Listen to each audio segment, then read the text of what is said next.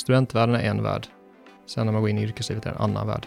Men det som är så otroligt fint med studentlivet är alla de här människorna som man träffar som är fantastiska. Som kommer gå ut i världen och göra fantastiska saker.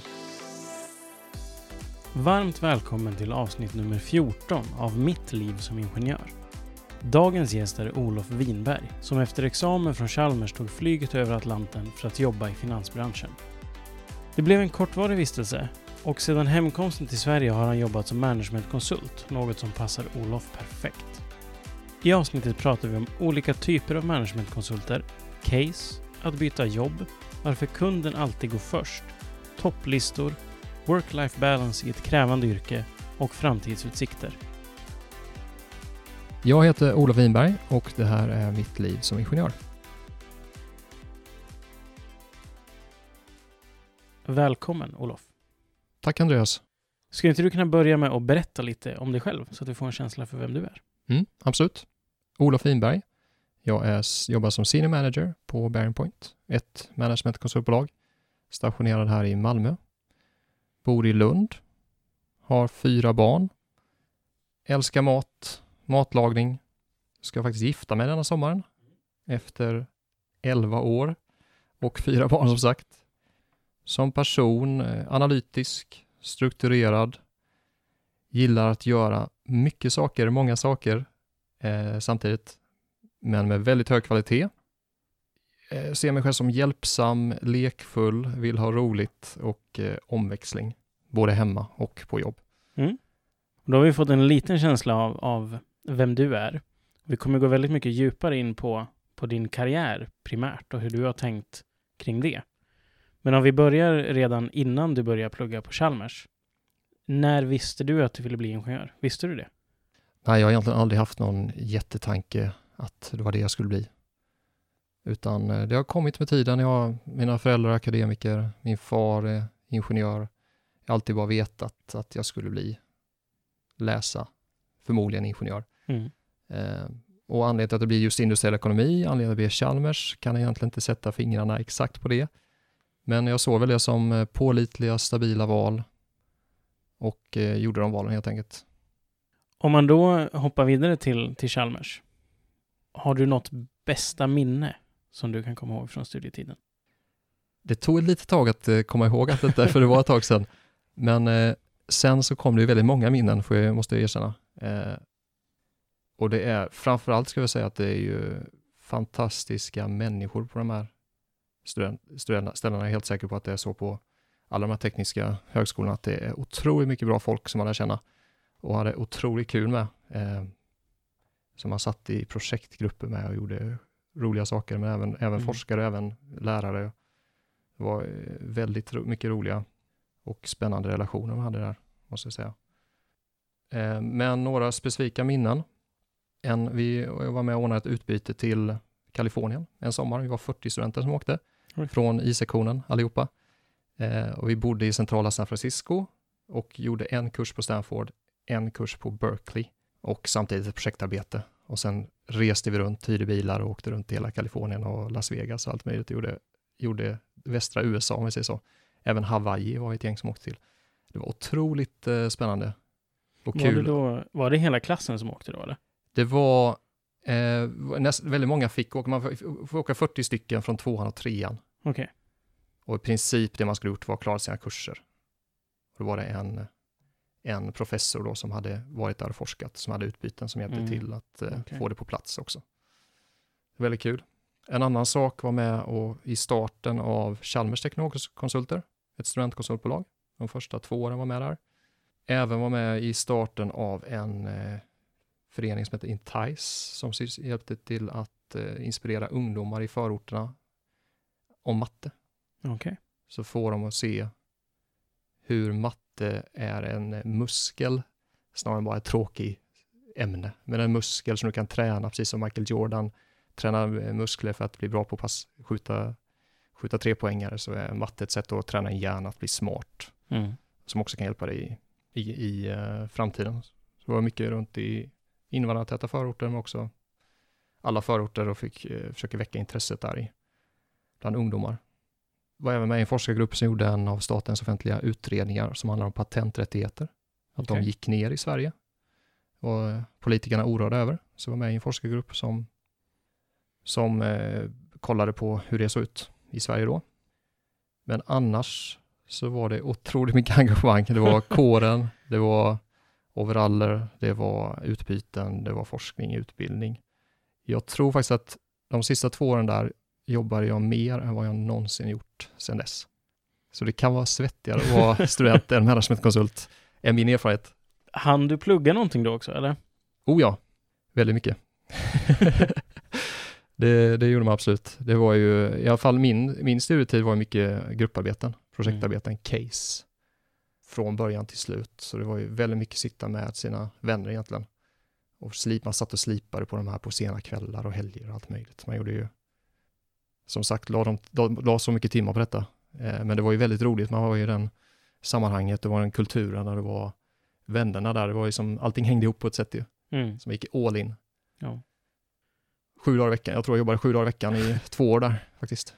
Hur gick det att balansera allting då? Var det svårt att, att lista ut vad som var viktigast för stunden? Jag, jag, man behövde nog inte balansera så mycket tror jag inte. Livet var väldigt lätt.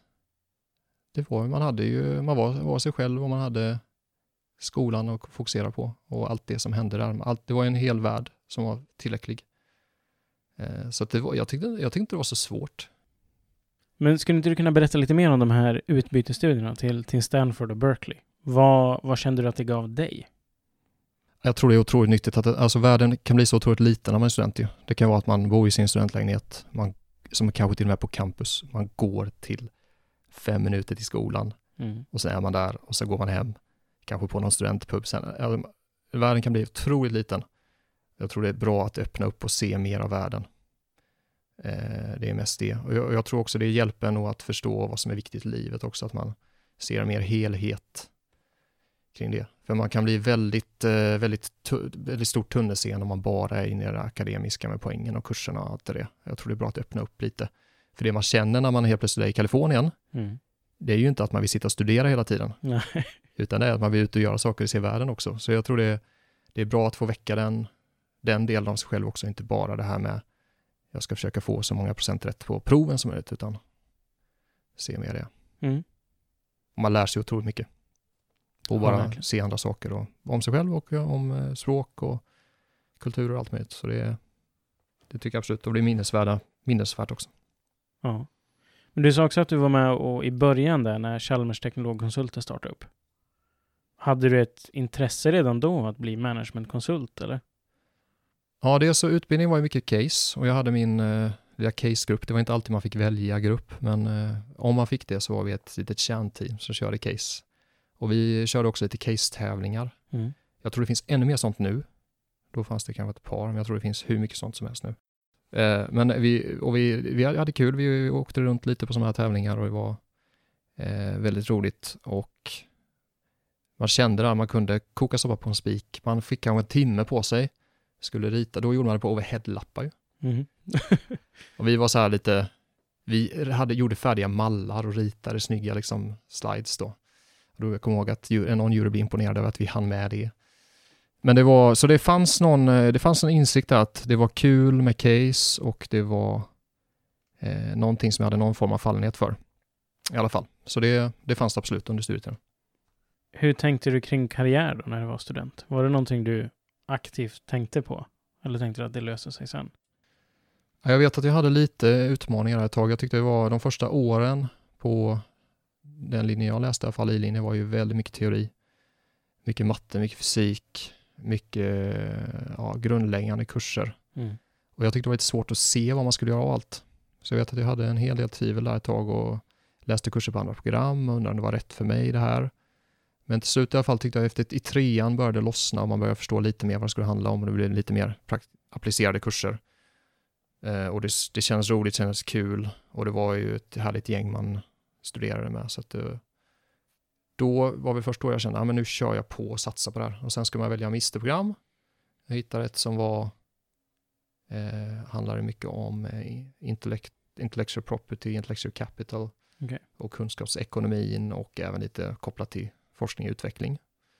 Det kändes rätt för mig, gick in, gick in den vägen och där var det verkligen en väldigt tajt koppling mellan studenter, lärare, forskare och ganska lite små grupper och små klasser, så det blev väldigt stort Mm. fokus på detta. Man ordnade konferenser, man gjorde, gjorde utbyten. Vi åkte till New York eh, och träffade företag och advokater och på det här temat och gjorde intressanta exjobb.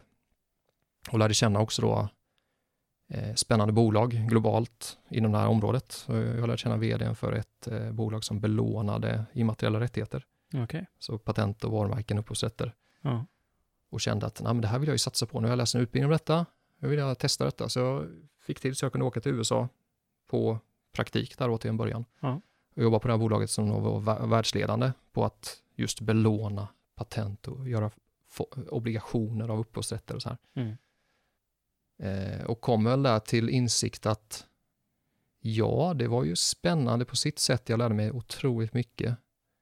Men för mig så kändes det ändå lite främmande, lite för avlägset, lite för långt från all action på något sätt. Mm. Jag, hade möten med Ataris eh, vd, med Filas, eh, höga chef inom Fila, eh, många andra företag som man inte, kanske inte känner till här. Ja. Jag träffade ledningsgrupper och analyserade deras upphovsrätter och, och hur mycket man kunde belåna dem med. Och gjorde avancerade Excel-snurror på det, men jag tyckte, jag tyckte det var för långt från action och det var för, lite för mycket sälj.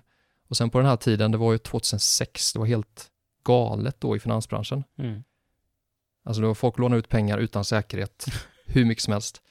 Och jag kan säga att redan då fanns det stora tecken på att allting skulle gå, att det skulle bli en krasch 2006. Det, kraschen hände ju egentligen 2008. Ja. Men jag kommer ihåg att jag läste då i affärstidningar, ja nu har vi hittat massa bolån här och Donald Duck har skrivit på det här bolånet. Det finns ingen säkerhet här överhuvudtaget, så redan då såg man ganska mycket tecken. Ja. Men bubblan sprack inte förrän 2008. Men var det ditt första jobb då efter examen? Det var mitt första jobb efter examen. Hur länge blev du kvar där? Ett halvår. Bara ett halvår? Ja. Tanken var ett till ett och ett halvt år, lära mig grunderna där, sen komma till Europa och bli liksom ansvarig för verksamheten i Europa. Men allting sprack ju i samband med bubblan. Den verksamheten finns inte kvar, utan den, den fonden gick upp i rök. Okej. Men hur, hur såg du på, på din framtid, på din karriär, när du precis när du hade tagit examen? Hade du en tydlig bild av vad du ville göra? Eller var det oklart? Alltså jag hade ju ändå fått upp intresse för managementkonsultyrket i och med de här casen och case-tävlingarna under studietiden. Så jag, jag föll, föll väl tillbaka på det. Men innan jag gjorde det, jag hade inte den här jättebrådska. Innan jag gjorde det så var jag ett halvår på en, en sån här ideell förening och, eh, som sysslar med att inspirera ungdomar med matte. Ja, Jag gjorde det innan jag gick in i managementkonsultbranschen. okej. Men jag har aldrig haft någon så här tioårsplan, femårsplan, ingenting sånt, utan mer det där är kul, det vill jag testa på. Men annars så kommer jag ihåg, jag gick ut där, eh, gick ut med stort självförtroende efter kommit hem också från USA, med jättestort självförtroende och kände att jag var fullärd inom det mesta, allt från Excel till case. Ja. Så när man börjar jobba så kanske man känner att det kan inte riktigt vara så. Det har nog en hel del kvar att lära sig eh, inom de flesta områden faktiskt. Men det var en otrolig optimism och eh, konjunkturen var bra då också. Det var Mm. lätt att få jobb. Eh, det fanns så gott om arbetstillfällen att välja på. Eh, så det var bara att köra. Mm. Vi skulle kunna dyka in där. Mm. Vad var ditt första konsultjobb då? Jag för mig att min absolut första konsultprojekt var en eh, marknadsanalys. Ett medicinteknikbolag som sålde väldigt bra i Europa, inte lika bra i USA, fast den amerikanska marknaden var större. Då ville de att vi skulle ta reda på varför det var så. Så det var en marknadsanalys av USA, mycket intervjuer, förstå egentligen vad skillnaden var, hur de adresserar marknaden, hur de borde adressera marknaden.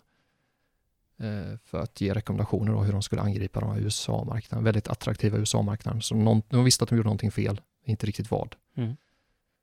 Det var ett väldigt spännande projekt. All Right. Men fortsätt gärna att berätta om vilken karriär du har gjort och hur den har sett ut. Jag kan säga en, en sak som har drabbat mig, som jag tror drabbar många egentligen, i, både som konsulter men också inom de flesta yrken, det är rollen av IT. Hur viktigt IT är. Det var ingenting som jag hade jättestort fokus på under ut, ut, utbildningstiden. Alltså man gjorde de här grundkurserna inom programmering och affärssystem och så som alla skulle göra. Men det var inte så att jag läste ingen specifik inriktning på det eller så. Men sen inser man ju att det det är för mig då, IT, det är ju egentligen ett processstöd. Alla viktiga processer i företag har numera ett IT-stöd kopplat till sig. Mm. Och det är egentligen bara så det är. Så det är ett av mina första projekt som var lite längre. det var just att eh, införa ett nytt IT-stöd för en process som inte hade IT-stöd på en global fordonskoncern. Eh, så var runt i ett antal länder världen över och tog fram den logiken för den här lösningen och eh, under ett års tid och implementerade och utbildade ett par hundra användare på det. Och det var ju det var ingenting som jag tänkte att jag skulle göra, men det, på det sättet har man kommit in i att ja, finns det en viktig process, då finns det ett IT-stöd. Mm. Och på det sättet har jag kommit in i IT. Sen har jag jobbat mycket med hälso och sjukvård och där är jättemycket IT, finansbransch, är också mycket IT, telekom mycket IT, eh, hälso och sjukvård är också som sagt då väldigt mycket IT. Så man har kommit in i det på det sättet. Och efterhand har byggt upp eh, en hel del kunskap och expertis inom just IT, men framförallt då från affärssidan. Mm. Hur man får IT att funka. Och eh, parallellt med det har jag jobbat mycket med mergers and acquisitions, M&A, hjälpt riskkapitalister framförallt då att genomföra förvärv. Och egentligen sammansmält här, så ett ben jag står på nu är hälso och sjukvården, hjälpa till med ofta IT-relaterade frågor kopplat till hälso och sjukvården, Eh, modernisering av system, eh, mer processorienterade system som kan stötta vårdpersonal att eh, ge bättre, ännu bättre sjukvård. Men även då hjälpa riskkapitalister genomföra genomlysningar av IT i samband med förvärv så man gör rätt beslut och inte går på några minor på IT-sidan när man gör förvärv. Så det är, det är just den spåren jag kör nu parallellt kan man säga som två, två grenar i mitt konsultliv. Ja.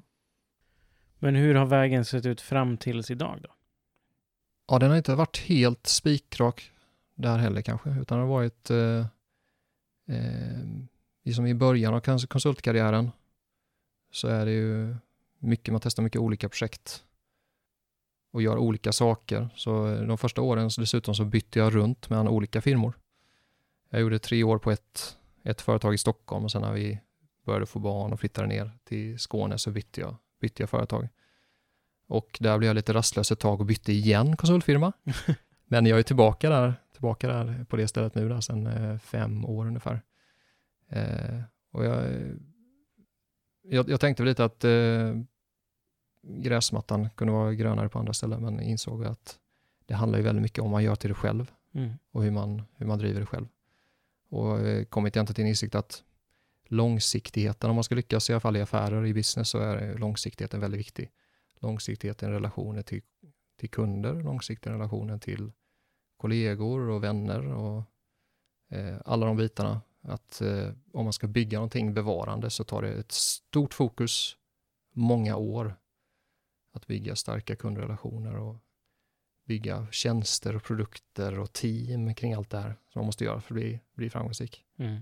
Och det, det är det som är det viktiga snarare än kanske exakt var man gör det.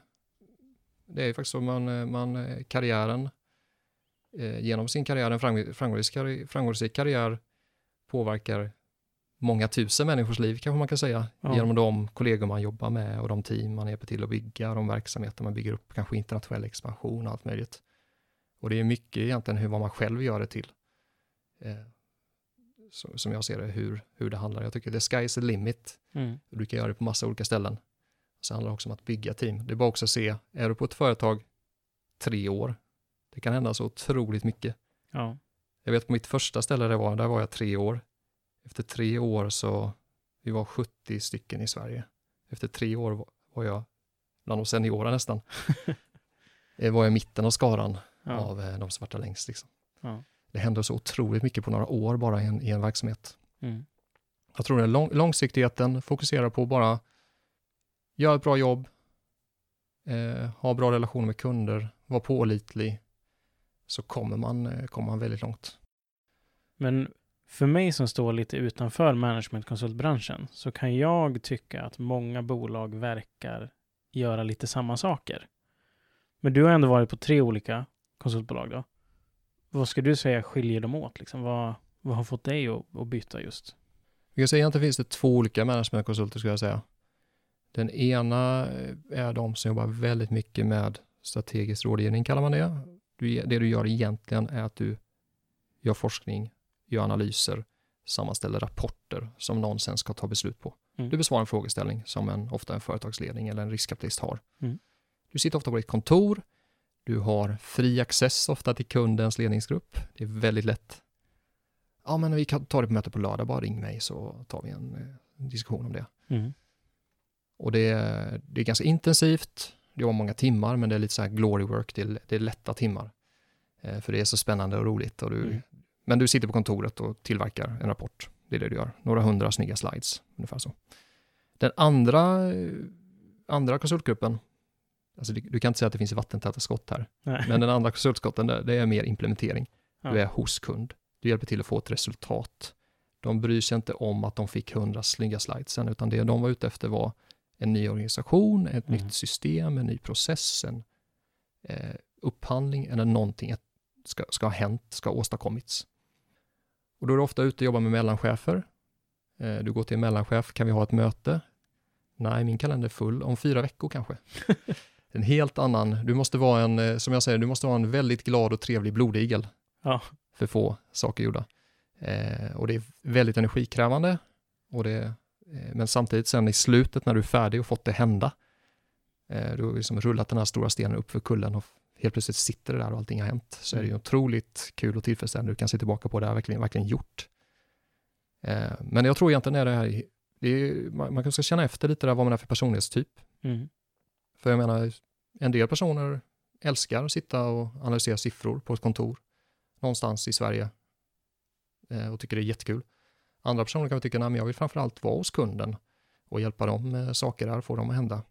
Jag har ju då varit på firmor som egentligen fokuserar dels på strategidelen, och bara Mm. jobbat med det, och dels varit på firmor som framförallt fokuserar på implementeringsdelen. Mm. Så jag har sett lite båda världarna. Och eh, har- tycker vi nu att jag har en väldigt bra mix av båda. Eh, hjälper riskstabilister med strategi och hjälper hälso och sjukvården med implementering. Framförallt då. Men det där är två helt olika yrken, skulle jag säga. Så man får känna efter lite själv vad man själv vill. Och det är, vissa firmor är kanske mer nischade strategiskt och andra firmor mer nischade implementering. Men det är ett grundläggande val man måste tänka efter. Jag tycker vår firma har en väldigt bra mix, men Eh, Det är det ena. Sen det andra man måste tänka på det är att när du säger managementkonsultyrket, det är egentligen tre yrken. Mhm. Så du börjar som analytiker.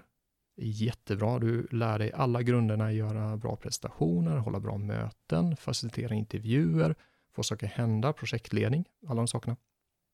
Sen nästa steg du tar i karriären där, det är att bli projektledare. Att leda komplexa, unika projekt. Våra projekt är ofta helt unika, det är aldrig samma sak två gånger, utan det är unik frågeställning som ska lösas. Och sen är du väldigt duktig projektledare, så är nästa steg att bli en väldigt duktig säljare och rådgivare till, till, eh, till eh, ledningsskiktet i, i svenskt näringsliv och offentlig sektor. Mm. Så det är tre helt olika yrken, men det är inte heller vattentäta skott, utan det är någonting Nej. du fasas in i så. Men det brukar vara den progressionen man gör då? Eller? Ja. Mm. Men om jag då får fråga dig som ändå har jobbat som managementkonsult i ja, tio år. Vad tycker du är det bästa med att vara managementkonsult? Jag tycker det är världens bästa yrke. Så jag har till och med gjort en lista på tio saker på eget bevåg här. Men nummer ett har jag egentligen sagt att få hjälpa kunder med deras viktigaste problem. Ja, det är så otroligt kul att få vara på fältet med kunderna. Du jobbar Mm. alltid, de tar inte in dyra konsulter om det inte är ett viktigt problem för dem. Om det inte är ett svårt problem de hade kunnat lösa själva heller förmodligen. Så de tar bara in oss när de verkligen behöver. Så du får sitta där i centrum för de här företagen, organisationerna och hjälpa dem med det viktigaste bekymret eller möjligheten de har just nu. Mm. Så det är sjukt spännande och det är väldigt motiverande att varenda dag gå till jobbet och veta att man hjälper någon med deras viktigaste problem just nu. Det är nummer ett. Nummer två, det är en sån otrolig omväxling. Jag är en rastlös person. Alltså det, du får se så många olika industrier, du får se så många olika typer av tjänster. Allt från, eh, för ett par år sedan eh, gjorde jag en, en, rundtripp i matfabriker i Norden och hjälpte dem hitta möjligheter till effektivisering. Eh, några månader senare är jag är jag i offentlig sektor och hjälper till med en upphandling.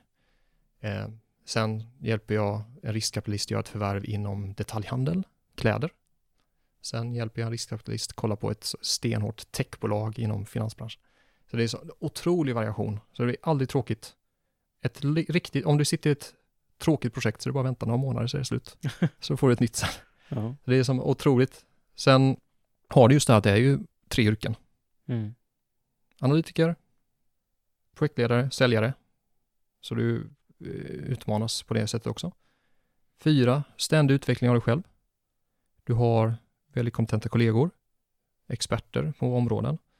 Du eh, jobbar med metodikutveckling, du går kurser, du jobbar med kunder med luriga problem, så du lär dig saker hela tiden. Ta aldrig slut, allt du lär dig. En sak också som jag tycker är väldigt rolig, som jag ser som, som en femte punkt här, det är att du får se kollegor växa. Du tar in folk, ofta, vi rekryterar från skolan ju väldigt mycket. Så du får lära känna folk i början av deras karriär. Mm. Och du kan, kan verkligen se hur de växer. När jag var liten så såg jag Karate Kid-filmen. Men då är det då är egentligen en gammal japansk gubbe som lär en yngling, även nu, han är inte gammal, tonåring, mm, ja. Karate genom att han får typ måla staket, ja. han får putsa en bil. De vet inte riktigt varför de gör det, men helt plötsligt så har de lärt sig karate. Ja. Det är lite så ibland, man liksom sitter med nya, på, jag vet, jag gjorde ett projekt en gång med en ny, eh, på en vecka gjorde vi ett, eh, en marknadsanalys då som rådgivning till ett förvärv. Mm. Jag, jag, kan tänka mig att om man sitter själv i skolan, det kanske, man, man kan, man kan hålla på med det som exjobb i 20 veckor och kanske kommit till samma resultat ungefär. Men här då, i det här sammanhanget, när man sitter i, vi säger att vi jobbar i en pyramid, men tung industriexpert kanske som jobbat 20 år, en erfaren projektledare i 5-10 år och sen väldigt drivna eh, personer från, från eh, skolorna som kan grunderna. Mm. Så kan vi få sån otrolig utväxling och man lär sig så sjukt mycket.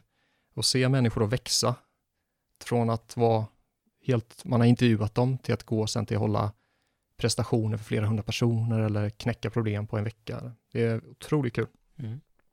Jag är bara halvvägs genom listan nu. Och det ändå känns ändå väldigt bra, gör det inte det? Ja, det känns mycket bra. Nej, men en, en sjätte, man håller sig ung. Det är väl låg medelålder, det är högt tempo, det är mycket, mycket många aktiviteter, sport, fest. Och vi fyller ju på hela tiden med folk från skolan. Man får mycket nya intryck från det hållet. Så det, på det sättet håller man sig ung i sinnet, om man säger så. Det är också en bra grej. Mm. Jag tycker det är en otroligt bra mix av strategi och implementering. Att få jobba med båda de delarna på ett bra sätt. Eh, jag tycker det är otroligt tillfredsställande. Att både få ge råd om hur man bör, vilka beslut man bör ta, men också få vara med och göra det. Så det är väldigt kul. Som åtta har jag lagt in lagom mycket resor. För sig när jag var yngre så reste jag hela tiden. I början av åren där. Men nu är det väldigt, eh, väldigt lagom. En, jag skulle nog kunna resa varje månad, men jag försöker hålla det till varannan månad av familjeskäl, skäl, det är enklast så. Men eh, senaste tiden varit liksom på jobbresor i Finland, Norge, kurser i USA, Holland, eh, några gånger, Stockholm är man ganska ofta i. Så det är ganska lagom och trevligt. Det är också det, är man bara hemma vid kontoret och hemma så blir världen väldigt liten. Mm. Man vill ut och se saker, men du vill inte bo i en resväska heller. Det är väldigt lagom mix av det här tycker jag. Och sen det som också är bra är ju på en managementkonsultfirma man har en väldigt rättfram karriärväg. Alltså det är väldigt tydligt vad du ska göra för att ta dig framåt. Vill du det så kan du det helt, i, i princip. Det är inte så att, jag kan tänka mig att i många firmor så är det, ja det finns en pinne, den är inte ledig än. Den kanske är mm. ledig om fem år, om tio år, då kanske det är din tur. Mm. Men på en, på en managementkonsultfirma är det mer, du, om du vill komma fram så kan du göra det. Du hjälper till att driva verksamheter och försäljning och saker, så, så det skapas en plats till dig. Så det är väldigt mycket lättare att göra karriär. Och sen som en tio, tionde punkt jag lyfte in, lön, pension och förmåner. Alltså det, är bra, det, är, det är bra ersättning, det är bra pensioner och det är bra, det är bra förmåner. Sen kan man diskutera det, de första åren ser det kanske inte alltid ut som att man har jättebra ersättning. Timlön i alla fall, för man får jobba kanske väldigt mycket, men samtidigt lär man sig väldigt mycket. Och man kanske behöver lära sig mycket också för att bli duktig på det man gör. Och det är också färdigheter man kan, kan använda hela livet sen. Eh, men eh, för de som varit med länge så är det ju, alltså det, det, det är en bra, bra ersättningsnivå. Mm. Det var min tio topplista. Det var Olofs topp 10-lista. Men om vi istället då kollar på vad tror du andra tror om managementkonsult? Vad ska du säga är den största myten om managementkonsultyrket? Mm. Det som jag har intrycket av, som jag fått dels kanske från kunder, men också från, från kollegor som har kommit kanske från industrin, inte varit managementkonsulter innan, men som har kommit in vid, som seniora då, experter. Det är att man nog underskattar egentligen vilket värde vi kan ge. Jag, kan, jag, tror, jag tror det är bättre med ett par exempel. Jag tar, tar ett från eh, sjukvårdsvärlden, så tar jag ett från, från riskkapitalvärlden. Då. Men eh, risk, riskkapitalvärlden då, Eh, gjorde en it-genomlysning åt en, en riskkapitalkund då, ett eh, klädbolag. Eh, och vi, vi ledde då eh, IT-strömmen då att gå igenom den. Och vi hade ett möte hos bolaget. Det var en, ett tiotal riskkapitalister i de finaste kostymerna och dyraste väskorna på ena sidan av det här långa konferensbordet. Det var jag och en juniorkollega från, som höll IT-strömmen då, sen var det en handfull andra rådgivare i rummet och en handfull från det här bolaget då som var aktuellt för, för att bli uppköpt då. Mm. I en auktionsprocess med väldigt många riskkapitalister med säkert då, men vi representerar en av dem. Vi hade väl gett en, eh, en spaning på att deras kärn IT-system, alltså affärssystemet ERP, inte var så bra. Mm. Så försöker man hålla ihop till den här, hela det här mötet då. Kort om tid, en timme. Riskkapitalisterna sprudlar av frågor. De andra rådgivarna, som kanske inte egentligen jobbar med IT-strömmen, har också frågor. Ja. Och bolaget vill ju såklart lägga fram sitt, sin bästa sida. Ja. Jag kommer ihåg att någon riskkapitalist började säga så här, ja men om ni bara ritar upp alla era system och på en karta och så gör ni ett trafikljus, liksom vilka system är gröna, vilka är gula, har lite utmaningar så, vilka är röda skulle ni vilja byta? Ja, men vi har egentligen inga sådana. Ja, det är något, det är något lite analysverktyg vi gärna skulle vilja byta som inte riktigt är så bra, men annars är någonting ganska bra. Sen då mot slutet av den här så börjar jag ta in, gradvis mata då mot den här affärssystemsfrågeställningen som vi är ganska säkra på inte är så bra, fast Mm. de har precis infört det. Och mata framåt och till slut då, när jag ställer sista frågan på detta som i princip är när tror du att ni har växt ur ert affärssystem? När, fun- när kommer inte det funka längre för att er verksamhet är så stor? Och då säger IT-chefen, om två år. Och då börjar riskkapitalisterna undra, men vad säger ni nu? Vad, vad kommer det kosta då? 100 miljoner kronor, säger då bolaget.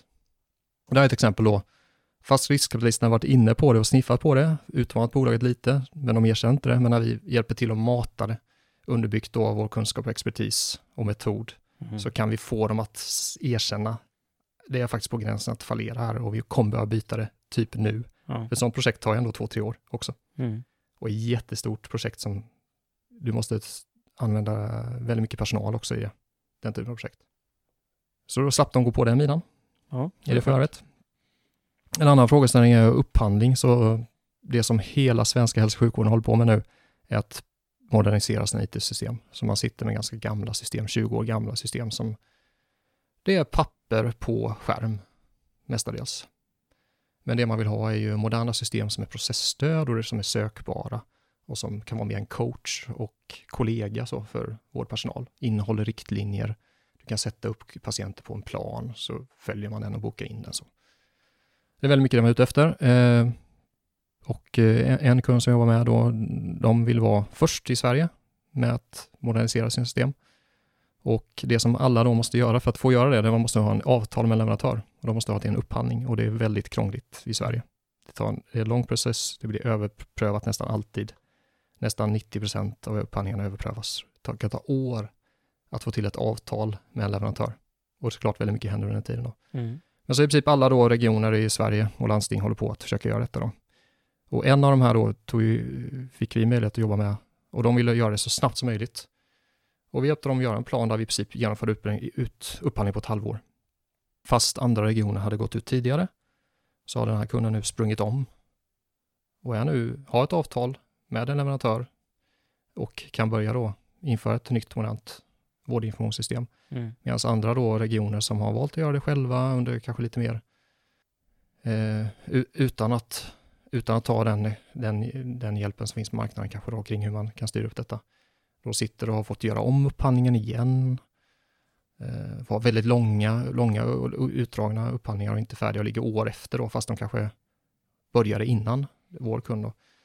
Så egentligen hur man då kan hjälpa dem definiera en plan. Och vi jobbade väldigt hårt för att hålla den här tidplanen då i, i schack. Men eh, då lyckas man ändå få, få ett avtal på kort tid. Och jag tror man, man tänker inte på det, man tänker kanske, ja men de här managementkonsulterna, vad kan de egentligen? Men det är, vi, vi har en verktygslåda, vi, vi vet hur man driver projekt, vi kan ganska snabbt sätta oss in i vad som är viktigt för kunden, vi kan hålla bra möten. Tänk dig att alltid ha möten som är förberedda, dokumenteras och fördelas ansvar och följs upp på. Att det alltid är så. Mm. Det ser vi till att det alltid är. Och sen kopplar vi även in industriexpertisen, upphandlingsexpertisen när det behövs också. Så det är ett otroligt bra sätt. Jag tror det är många, många företag som inte använder managementkonsulter alls. Jag tror de missar någonting för det är ett sätt man verkligen kan få ut effektivitet på ett annat sätt och accelerera många initiativ Mm. i sin organisation. Om man använder rätt. Köpa lösningar. Motsatsen till köpa lösning skulle vara att köpa personer. Ja. Men du, då får du inte tillgång till den. Då får du inte en leverantör som tar ansvar för ett resultat och du får inte den helhetsexpertisen. Så jag tror det, det är nog den största myten Mm. som jag stöter på. Vad tycker du är det bästa med ditt jobb som du gör idag?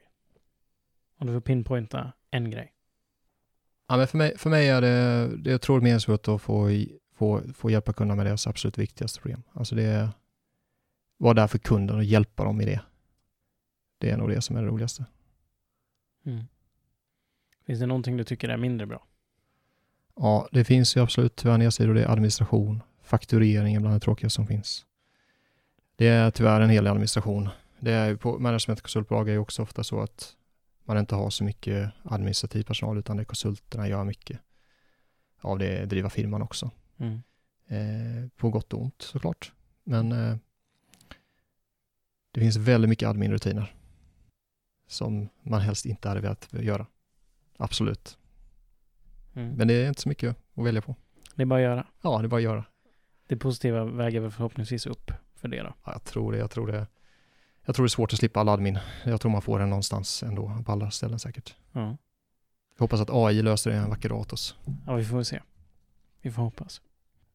Vi har ju pratat en hel del om egentligen vilken typ av uppdrag som har fått dig att byta bolag och sådär och kanske att, att det är trevligt att hitta en balans mellan det här rådgivande och det här att vara in action, det här med implementeringen. Men hur stor roll har lönen spelat för dig? Mm. Ja, jag tycker att lönen ska man aldrig se som det enskilda, man måste utvärdera allting. Eh, dels, dels lön, men också förmånerna runt omkring det och vad som passar ens, ens balans eh, just nu. Alltså, kan man resa, kan man inte resa, behöver man mycket flextid för att få upp ens vardag. Man måste se till hela helhetspaketet. Sen så är ju också, förutom löner, är också pensioner, man kan få tjänstebilar, och man kanske man måste se på hel, helheten och utvärdera den som sådan. Men för mig, alltså jag tycker ju det är så otroligt roligt att vara konsult.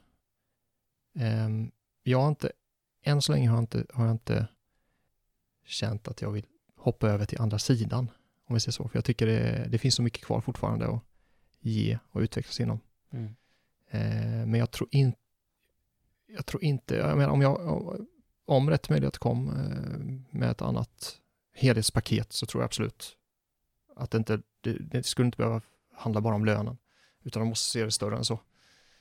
Och det kan ju alltid göra med var man befinner sig i livet till eh, om man känner att man behöver varva ner lite eller om man känner att man kan gasa. Så det är ett helhetspaket man måste tänka på. Mm. Men är det vanligt det där att, att kunderna vill rekrytera er konsulter? Det är rätt vanligt. Det är ju, jag ser det egentligen som ett kvitto på att man gjort ett bra jobb. Mm. nästan. Det är, nog, det är nästan så det ska vara. Att de ska, ska nog ringa och säga, ja men du kan nog eh, komma hit om du vill sen någon gång i framtiden. Mm. Hör av dig i så fall. Det har hänt, det har hänt många gånger såklart. Eh, det är det absolut. Men om vi går ännu djupare in på vad du faktiskt gör då? Kan vi köra en day in the life av Olof? Mm. Dagen börjar ju då ganska långt innan man är på jobbet, ska jag säga. Eftersom jag befinner mig i ekorrhjulet med mindre barn. Eh, så är det gå upp tidigt, ordna frukostar av olika slag. Det kan vara scones en onsdag, det kan vara våfflor en torsdag och pannkakor en måndag och you name it. Mm. Eh, till, till de fyra små där hemma. Sen är det en ganska stor logistik när alla ska lämnas på olika ställen på morgonen. Eh, och det turas mig om såklart att göra, men ofta försöker jag göra det på morgonen i alla fall. Sen är man på jobbet kanske halv nio. Då tar jag första kaffekoppen för att hålla nere kaffekonsumtionen lite. Försöker hålla det där mellan halv, halv nio och sen sista vid fyra.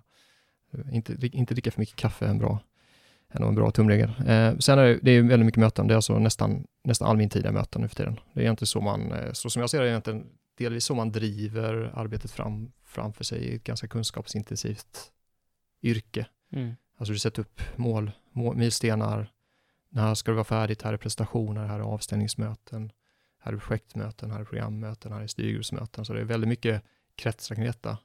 Och sen eh, får man ofta in det här, oj, en ny kund som vill ha hjälp med någonting, så får du säljmöten och möten och förbereda offerter. Och det är ganska oförutsägbart. Mm.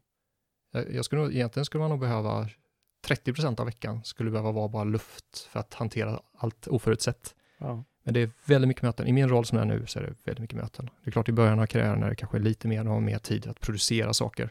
Mm. Eh, och sen ju mer, ju mer senior man blir, desto mer möten har man. Sen skiljer sig en hel del om man är hälso och sjukvård eller om det är med riskkapitalister. Mm. Men med, med riskkapitalisterna så är det ju, då är det mer kontor, då är det mer teamet, vi gör vår oberoende analys av det här. Eh, eh, ett, ett konsultteam och de experterna som är involverade. Eh, ett få, fåtal, om man gör det tre, fyra veckor så är det ett fåtal då dagar kanske på plats hos ett bolag som ska köpas upp och kanske för presentationer. Mesta delen är ju på kontoret och hanterar det då. Eh, när man är hos, hos kund däremot, då handlar det ju väldigt mycket mer om förändring, informella möten, driva kommunikation och få saker att hända. Väldigt mycket mer fokus på det, mycket relationer, vilka behöver, vilka behöver vi prata med, vilka behöver vi inte pratat med, har vi förberett alla inför styrgruppsmöten? Mm. Väldigt mycket sådana saker man måste tänka på, pusselbitarna faller på plats innan, att det, det går som det ska och alla är med. Det är väldigt mycket politik som man måste ta hänsyn i. Sen är en sak som man kan inte tänka så mycket på, det är nu för tiden, Skype. Alltså du måste inte alltid vara på plats. Utan eh, det, är- det är helt okej att köra virtuella möten. Och så som vi i alla fall har det, du bara öppnar laptopen, kör en Skype-länk så är du inne i ett möte på distans. Eh, Du kan också ringa in telefonen bara, är du, är du med. Du kan även dela skärm i telefonen. Mm. Eh, får absolut inte göra i bil, om man tänker på. Men i teoretiskt sett går det ju. Ja. Så att det gör ju också att du kan vara väldigt flexibel. Så det gör ju, sen på eftermiddagen har, man, har ju barn som vill ha aktiviteter. Allt det gamla vanliga, fotboll och dans och sång och musik, all, alla de här bitarna vill de också göra. Så då kan man ju kanske ta ett möte på vägen på springande fot. Du kan liksom halvvägs in i mötet, nej men nu kommer jag fortsätta på distans i telefon. Och så kan du lämna barnen någonstans på en träning, fortsätta mötet lite, komma hem, fixa middag. Jag har till och med rullat köttbullar en gång i ett ledningsmöte. eh, så det, det gör det otroligt flexibelt. Eh, och det gör ju då, det är också på gott och ont, men det är väldigt lätt att göra en flexibel dag så att du kan få både familjelivet gå ihop och yrkeslivet gå ihop. Och folk är väldigt förlåtande kring detta faktiskt, hur, hur detta funkar. Särskilt när du jobbat ett tag med kunder så blir det lättare såklart än, Mm. kan inte göra det första dagen, men det, det funkar väldigt bra. Sen är det ju, ofta efter barnen lagt sig på kvällarna så brukar ju laptopen åka fram igen. Mm. Eh, men försöker se kanske ett Netflix-avsnitt med sambon innan jobbpasset börjar eller så. Men det beror ju på också vissa, vissa skeden om det är lugnare. Om man nu får en tid som är lugnare plötsligt, Ja. då försöker man ju dra nytta av det och checka ut lite tidigare, för man vet att de händer inte så ofta också. Men när, när laptopen åker upp där på, på kvällen, vad är det för jobb du gör då?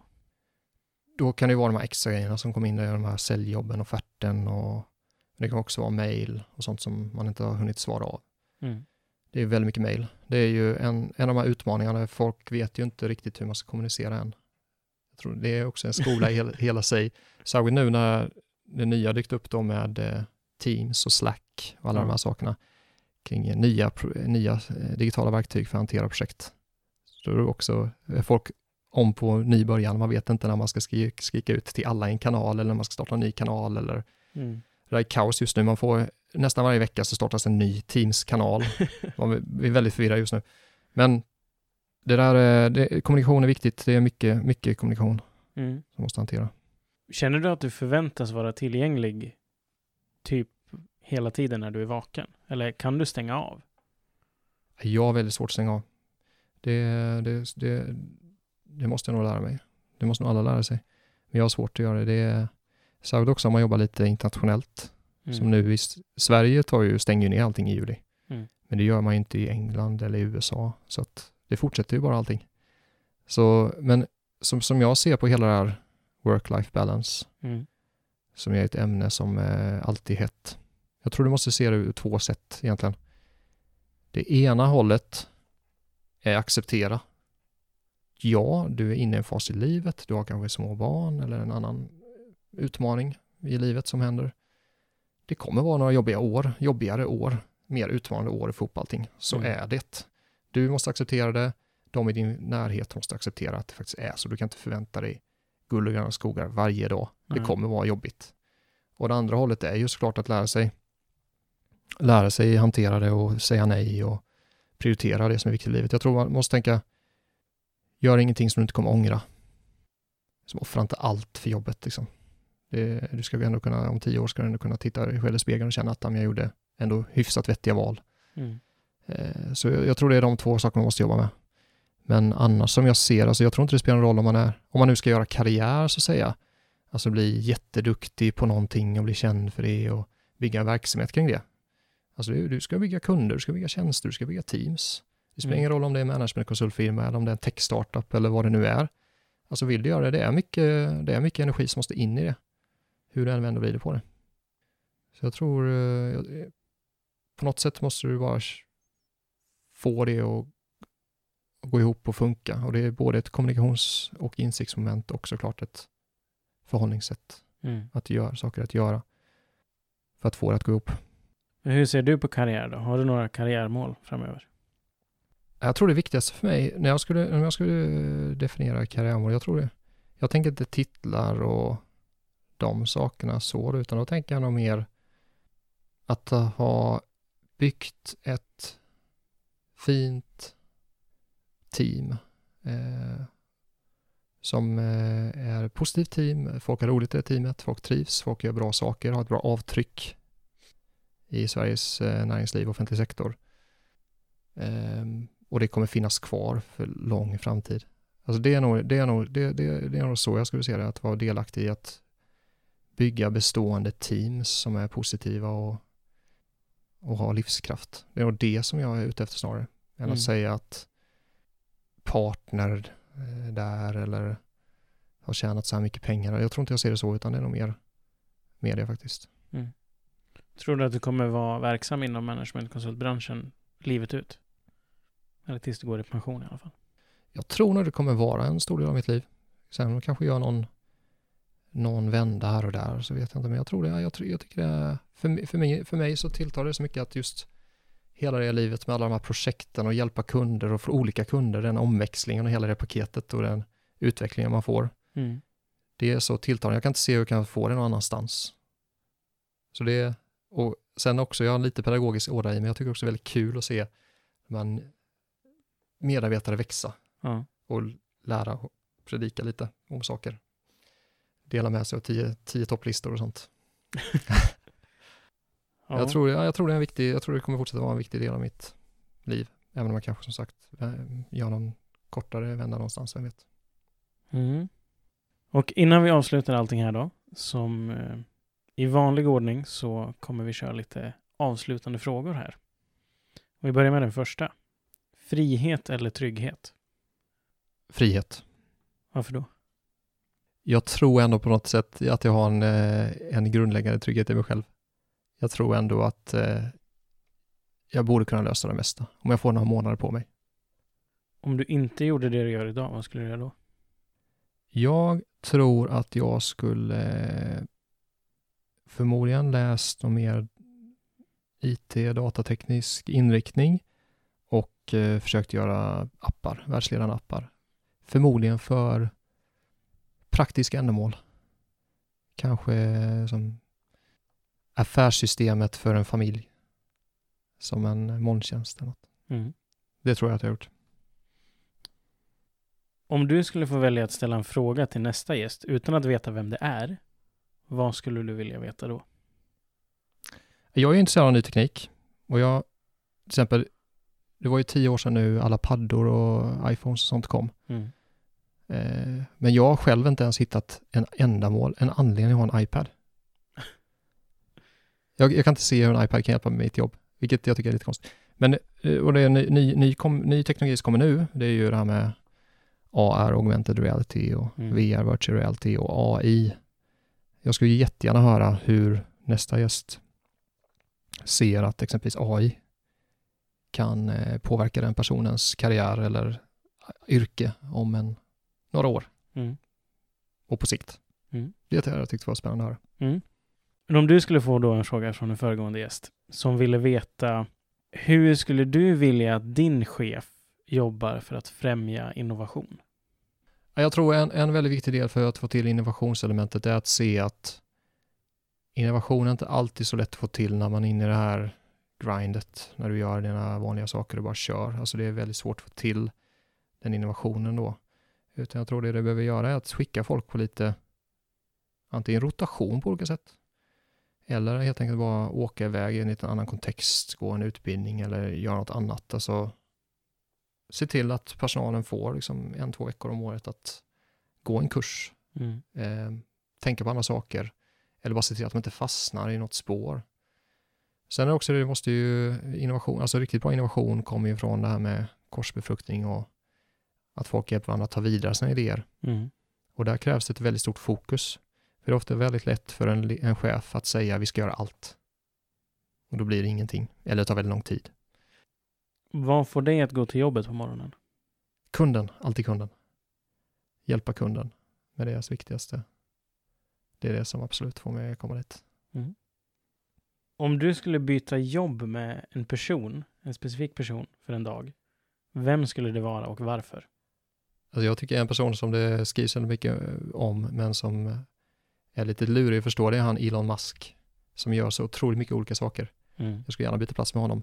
Jag skulle förmodligen inte försöka fatta så mycket beslut den dagen då, Nej. så man inte s- stör för mycket i hans tankar och planer, men eh, det här med både försöka revolutionera fordonsmarknaden och ta mänskligheten till, ut från jorden och sånt. Mm.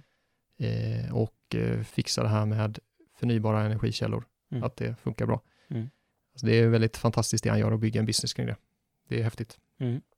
Så det hade varit kul att bara se hur, det, hur, de, hur han får det att gå ihop. Han ska ju också ha väldigt mycket så här eh, personliga effektivitetsgrejer för sig. Ja. Han hade en assistent ett tag, men av någon anledning så slutar han med det, sägs det. och gör allting själv istället. Ja, Och så har han, väldigt, han har väldigt mycket så här filosofier kring hur saker ska gå till. Och, Mm. Så det är väldigt spännande att bara se det, hur hans tänk är egentligen. ja, det hade verkligen varit spännande. Ja. Och försöka förstå i alla fall en liten del Ja. av vad som händer i huvudet på, i huvudet på Elon. Ja. Mm. Vill du dela med dig av några tips till dagens studenter? Ja, väldigt gärna. Jag hade svårt att hålla mig till ett. Men om jag bara skulle säga ett så skulle jag ändå ta det här med relationer. Jag tror man ska tänka att studentvärlden är en värld. Sen när man går in i yrkeslivet är det en annan värld. Men det som är så otroligt fint med studentlivet är alla de här människorna som man träffar som är fantastiska. Som kommer gå ut där i, sak- i världen och göra fantastiska saker. Håll fast med dem, hitta något sätt att hålla fast vid dina vänner. Folk flyttar, folk åker runt. Men eh, du vet det där de där eh, teamet du hade eller gruppen du hade då eller bekanta du hade då, håll, försök hålla fast vid dem och gör en grej varje år. Eh, träffas den 5 september varje år eller kommer säkert behöva flyttas för någon får barn som har födelsedag precis den dagen. Men eh, försök hitta någonting sånt som man håller fast vid de relationerna, för jag tror det har man väldigt mycket glädje av livet ut sen. Mm. På alla sätt, både personligt men också säkert yrkesmässigt också. Att folk som ändå var i samma, en samma sammanhang där, hålla fast vid någon som kan relatera till saker och man kan ha glädje och nytta av varandra på olika sätt. Mm. Det tror jag är egentligen det viktigaste. Mm. Sen det andra som jag tycker är, eh, man ska nog se som en livslång övning, det är att du ska, du ska liksom träna dig stenhårt att bli en väldigt positiv kraft. Alltså när du är med och gör någonting så ska det alltid vara kul, positivt, bli bra. Du ska vara en schysst kollega, vän. Eh, det finns ingen anledning att göra på något annat sätt egentligen. Eh, folk, alltså, eh, jag vet inte varför, men folk det finns, då och då har folk svårigheter med att samarbeta. Men det kan vara specifika saker som händer, man vet aldrig varför någon har problem just då med att eh, bidra in i ett team eller någonting. Jag tror alltid bara var den som är, var den positiva kraften, se till att göra alltid ett bra jobb, bli ihågkommen för det Mm. och vara en kompis. Alltså jag tror det är ändå det viktigaste och så slipa sig i det. För det är, det är väldigt många delar av det. Eh, allt från att hur man pratar med folk till hur man fördelar arbetet, till hur man leder ett projekt, till hur man gör saker. Men ändå se till, det, det är en, det tror jag, och det är inte, det kan komma naturligt för en del, men jag tror det ligger mycket träning i det. Det tror jag är väldigt bra att se till för att allting som händer i ens karriär är teams. Det är en väldigt stor hörnsten. Mm. Sen en annan sak som jag tror man ska tänka på. Presentationer. Alltså alla presentationer du gör kan vara livsavgörande ögonblick.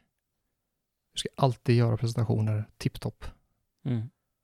Det är då du kan få, som resultat av den här fantastiska presentationen du gjorde den gången, då kanske du blir erbjuden den möjligheten, eller får det jobbet, eller någonting. Eller det blir väldigt bra resultat. Folk kommer ihåg det och implementera det sen. Mm. Att det, prestationerna ska man alltid ta på högst allvar. Förbereda minutiöst och göra perfekt. Mm. En sak till, jag tänkte stäng inga dörrar. Det finns ingen anledning att stänga dörrar. Jag har själv varit runt på flera konsultföretag och alltid sett till att ha bra relationer med företag, kollegor. Jag vet att man sitter där kanske lämnar ett jobb så vill man spyga alla överallt. Men alltså det finns, det finns inget perfekt arbetsplats. Det finns inget perfekt arbetsplats som har jättebra lön, jätteflexibla arbetsuppgifter och drömkollegor och drömarbetsuppgifter hela tiden. Och dessutom behöver du knappt vara där, för jobbet gör sig självt. Alltså det finns inte, utan det blir mycket vad du gör det till själv. Och du vet aldrig när du träffar folk igen som du jobbat med innan, alltså det är en ganska liten värld. Så att stäng aldrig dörrar, det finns ingen mening att göra det, även hur frestande det kan vara att göra det. Sen den sista, långsiktigheten. Alltså det det handlar om, som jag är inne på här, oavsett om du är managementkonsult eller vad du är, du vill bygga teams, tjänster, produkter, kundrelationer. Det är det du vill göra och för det krävs en enorm långsiktighet. Jag tror fem år stenhårt fokus för att komma kanske dit man vill när man har en vision. Det är kanske rimligt. Om man exempelvis ska byta jobb varannat år så är det väldigt svårt att komma dit. Mm. Så jag tror att se, försök se mer hur du bidrar in i detta och hur du kan få långsiktighet i detta. Allt från att behålla kundkontakter, kollegor, kontakter, vän, vänskapliga kontakter. Eh, men sen är det klart du kanske hamnar på en arbetsplats där du ser att det, det tar slut. Vägen tar slut. Samtidigt det man ska tänka på då är att ett fåtal år är väldigt lång tid i företag. Alltså kan tänka till vår arbetsplats på tre år, det händer hur mycket som helst. Ja. Alltså hälften av personalen kan ju till och med skiftas Ja. på tre år. Alltså det, det händer otroligt mycket. Så långsiktigheten, det krävs en otrolig långsiktighet. Om du inte har långsiktighet, om du sitter och tänker, ja men jag ska inte vara här om ett år ändå, då är det någonting som är fel. Du måste ha den långsiktigheten, du måste tänka, ja men jag är här om två år, då behöver jag göra detta, då behöver jag ha de kunderna, de tjänsterna, de, det här teamet. Det är det enda sättet att jobba på. Sen leder det kanske dig vägar inom eller utom företaget, men jag tror det är enda sättet att tänka. Mm. Har du något specifikt tips till de som funderar på att bli managementkonsult eller som vet redan nu att de vill det? Hur ska de nå dit? Ja, Jag tycker, jag, jag, jag tycker att managementkonsultyrket är en väldigt bra start. Alltså du får, det som är så fint med managementkonsultyrket, det är ju att du får hantverket. Du hamnar i ett sammanhang med erfarna projektledare, erfarna industriexperter som lär dig grunderna på ett väldigt snabbt sätt. Alltså det är ett väldigt bra sätt. Alltså du lär dig göra prestationer, du lär dig göra alla grunder i allting som du har nytta av hela din karriär. Så jag tycker att det är en väg de flesta borde överväga att tänka nu om man tänker att man ska jobba med business i alla fall. Eh, och bra sätt att komma dit. Man kan ju testa att göra några internships om, det, om man får möjligheten. Det finns, eh, nu för tiden finns det väldigt, väldigt mycket sådana här case-utbildningar på YouTube och allt möjligt som man kan testa. Det är ju en förutsättning om man, det är alltid en case-intervju på för att komma in på ett Mm. managerkursbolag, så det måste man ju träna sig till. Det är väl det som jag känner kring den, det är väl Ja, jag kan sitta med en person och känna det här, är ju, den här personen har gjort fantastiska saker, verkar vara en jättebra person, jag skulle vilja ha en kollega, men av någon anledning kunde den personen inte lösa det här caset på bra sätt. Och även om jag känner att det är inte rocket science att lära sig det här caset och lösa det, eh, men att den här personen inte kanske hade förberett sig på det sättet som hade behövts, säger väl någonting om den personen då. I så fall då, för det fin- alla möjligheter finns ju att förbereda sig. Mm. Sen är det ju svårt, det är lite som att lägga fotbollsstraff i eh, VM-final eller på en träning. Alltså det är en annan sak att göra det face to face med Mm. någon man aldrig träffat innan som utvärderar en i en rekryteringssituation mot att sitta hemma på kammaren och träna. Det är en annan sak såklart. Så man, man blir säkert bättre om man får träna lite också. Så det ska man också göra. Det var allt för den här veckan. Vem vill du höra i podden framöver? Kanske finns det en person vars karriär inspirerar dig och som du gärna vill höra mer om. I beskrivningen finns en länk till ett formulär där du kan önska gäster. Det är helt anonymt och tar bara några sekunder. Om du uppskattar innehållet i podcasten får du också väldigt gärna betygsätta den på iTunes eller där du lyssnar på poddar.